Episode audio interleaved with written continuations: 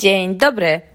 Witam Cię serdecznie w naszym czwartym odcinku, tak? To już czwarty odcinek i nasza czwarta pokadanka. Pytanie na dzisiaj. Czy potrafisz być swoim własnym uczniem? Na początku wydaje nam się, że wiemy najlepiej. Znamy to co? A inni przychodzą do nas, żeby zaczerpnąć ze źródła mądrości.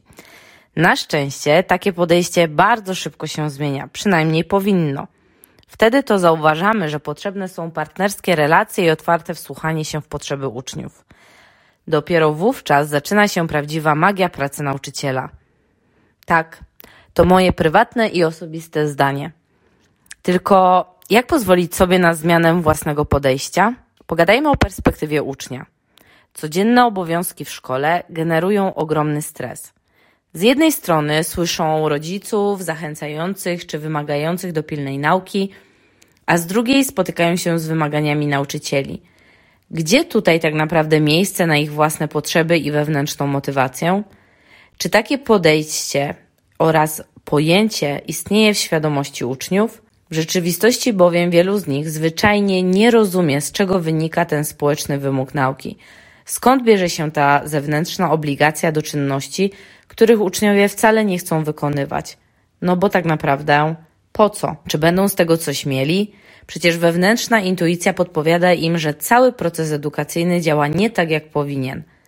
Dlatego tak ważne jest odkrycie indywidualnych oczekiwań i predyspozycji uczniów, żeby na tej podstawie określić ich dalszą ścieżkę rozwoju, abyśmy wspólnie z nimi postarali się o pasję i motywację, które nie gasną w obliczu pojawiających się porażek i niepowodzeń. Perspektywa nauczyciela Często wydaje się nam, nauczycielom, że bardzo dobrze znamy potrzeby uczniów, a nawet więcej.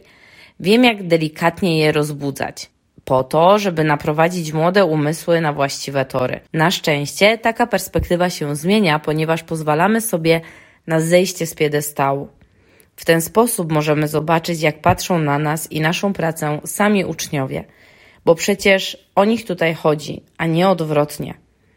Dlatego nie wystarczy, że uczniowie słuchają naszych lekcyjnych wywodów w skupieniu. To za mało. To za mało, żeby przekazać im wiedzę i podzielić się doświadczeniem, które pozwolą im się odnaleźć w dalszym życiu. Życiu, które nie kończy się na murach szkoły, a dopiero tak naprawdę w nich się zaczyna. W miejsce tego nasze zajęcia, lekcje, warsztaty czy spotkania z uczniami powinny być wyjątkowo atrakcyjne. Wyjątkowo, ponieważ tylko w ten sposób zrodzi się w nich potrzeba i chęć do nauki. Wtedy nawet czas i praca, którą trzeba zainwestować, przestaną być traktowane jako przymus czy wyrzeczenie. Nie można więc skutecznie zmusić uczniów do nauki. Szczególnie w dłuższej perspektywie warto, abyśmy o tym pamiętali. A co jeśli się otworzymy? Czy zatem jesteśmy w stanie dostrzec w naszych uczniach prawdziwych partnerów w podróży przez edukację? Ja uważam, że tak. Jednak nie będzie to możliwe bez odrzucenia tkwiących w nas przyzwyczajeń i stereotypów odnośnie szkoły i nauczania. Dlatego naszym, moim zadaniem jest takie zorganizowanie przestrzeni edukacyjnej, żebyśmy sami chcieli stać się uczniami naszej własnej klasy. Dziękuję Ci serdecznie za to, że jesteś tutaj dzisiaj, za to, że poświęcasz swój czas i mam nadzieję, że spotykamy się w odcinku numer 5. Do usłyszenia. Bye bye.